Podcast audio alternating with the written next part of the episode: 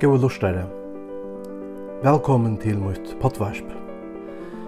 Jeg øyte Jon Hart Jekvansson, og er søknarprestor i Øyes prestakjelte. Om seg sjálvan sier Jesus, Jeg er vevren og sannløyken og løyve. Ønsker kjem til feiren, åtta mi mer. Akkurat støva i fyrir Jesusa, hefur avløykans fylgjer fyrir jokkom.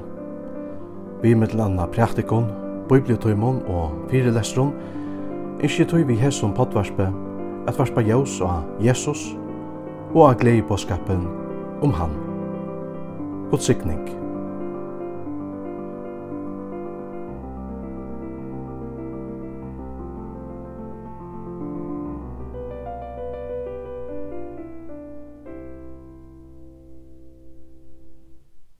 Jesus sier, at himmelrujtje er lukt av en konge og gjør det brittlepp tja sine synom.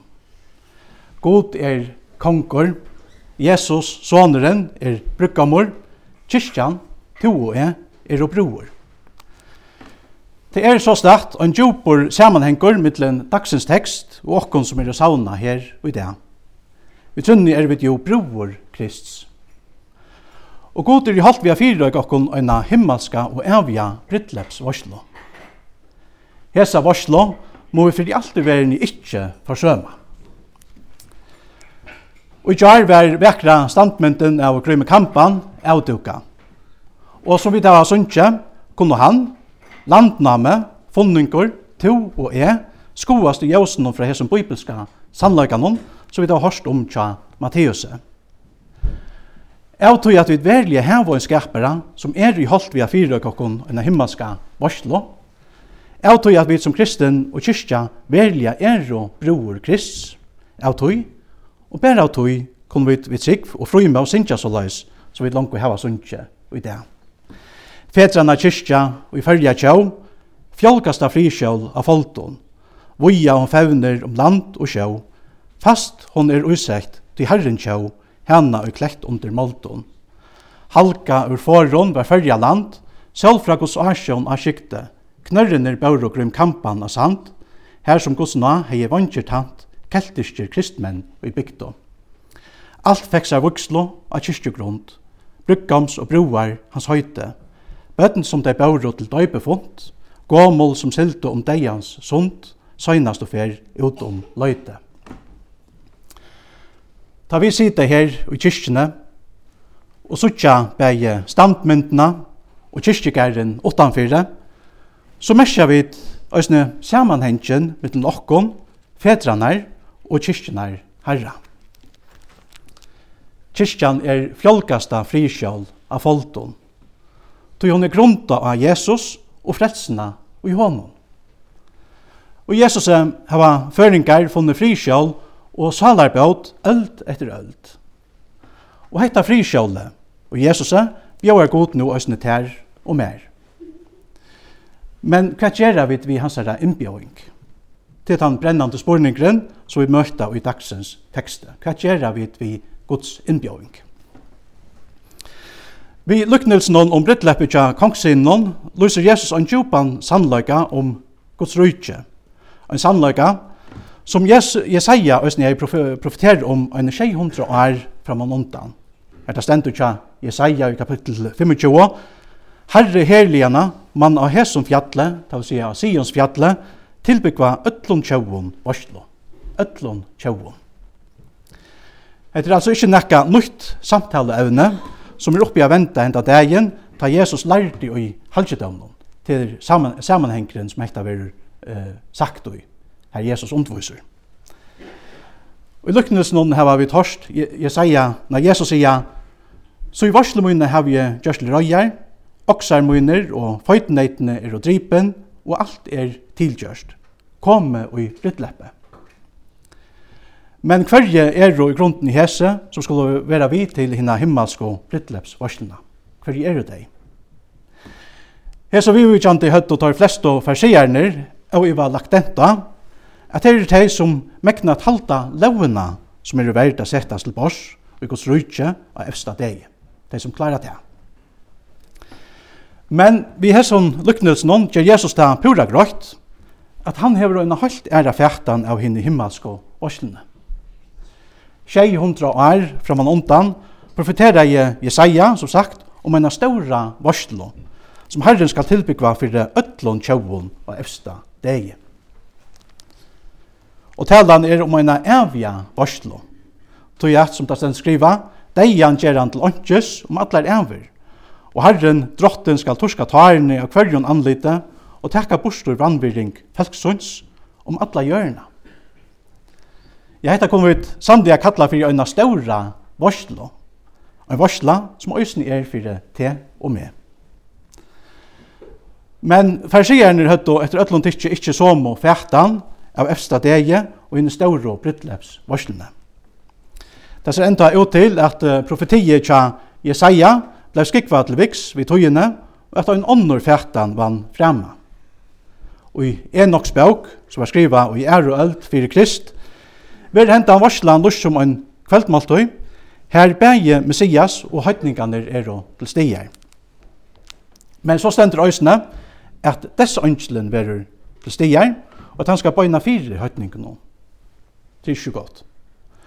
Og i en øron jødiskon tekste tja kumran samkomne, vi er kveldmaltøyen lusjum og en varslemaltøy her ønsker høytningar er og til steier. Bæra tar jødar som høyt og hilde launa kundu lotteka.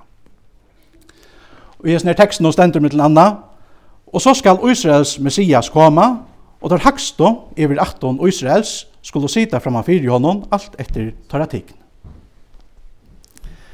Farsierne høttu etter öllun at døma en sluika avskjepleia avskoan av hinne stauro brittlepsvarslene. Etta var en avskjepla avskoan, tog at hon samsverra i alls ikkje vi profetie, tja Jesaja. Her bægje jødar og høytningar vare botner vi, öll vare bøyen vi. Tja Lukas nevner Jesus enda nøvnene tja summon som vera vi til hessa stauro varslene. Abraham, Isak, Jakob og alle profetanir veri her.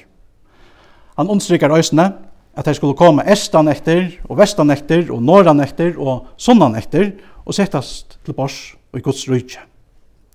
Her verur profetiet tja Jesaja oppfyllt. Herre herligana, man og hesum fjallet tilbyggva öllun tjauun varslo.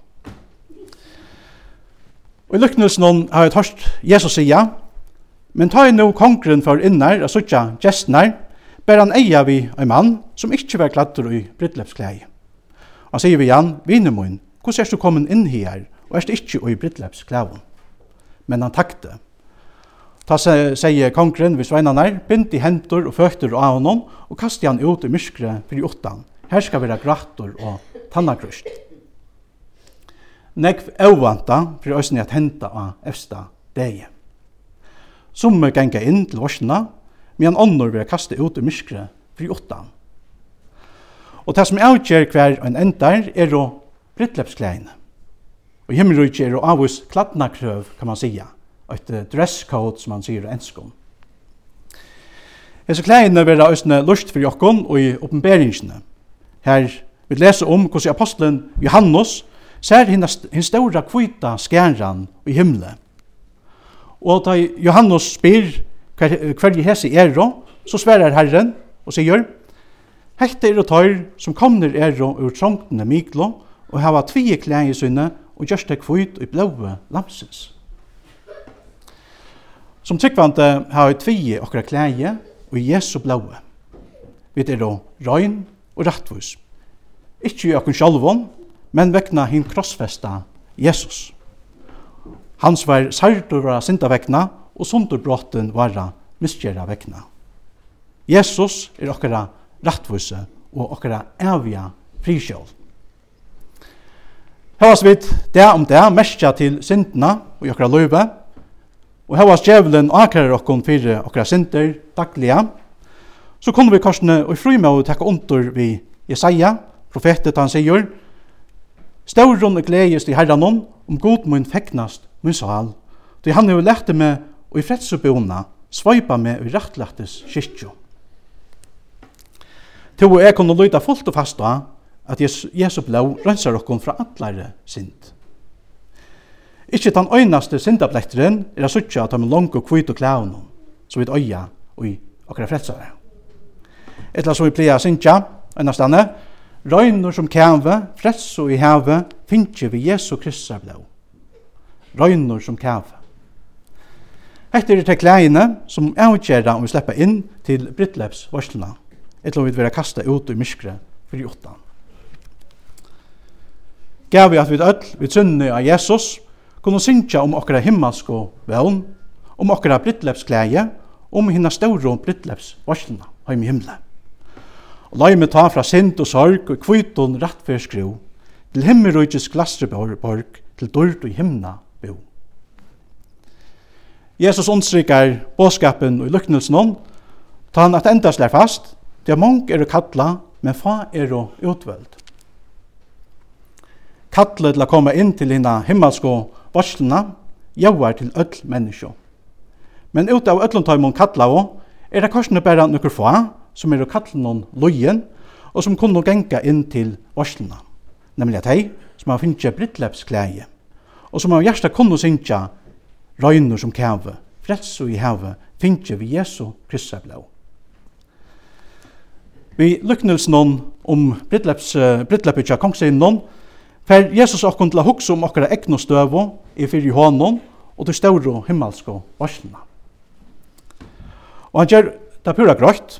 Jeg kattler til å komme inn til varslomalltøyene for utelmang, men at det er imest hvordan kattler være møttidje av okkon menneskjum som vi er å lykke seg. Ånder er og fyrtjentalig, atter ånder tekka imøte kattelen vi glede. Her kommer to og jeg inn i myndene. Henta ståra innbjøringen gjør nå øsne til okkon.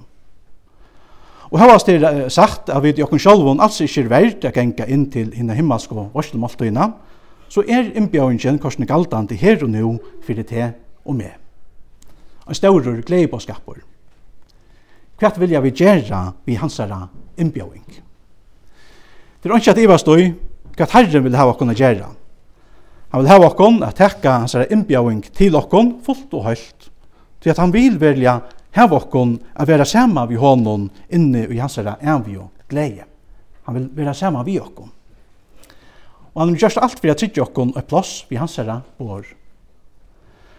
Høvast folk bera seg undan av ymson og søkon, så blir hentan varslan korsen i hilden og en avvursan det, og Herren vil hava te vi.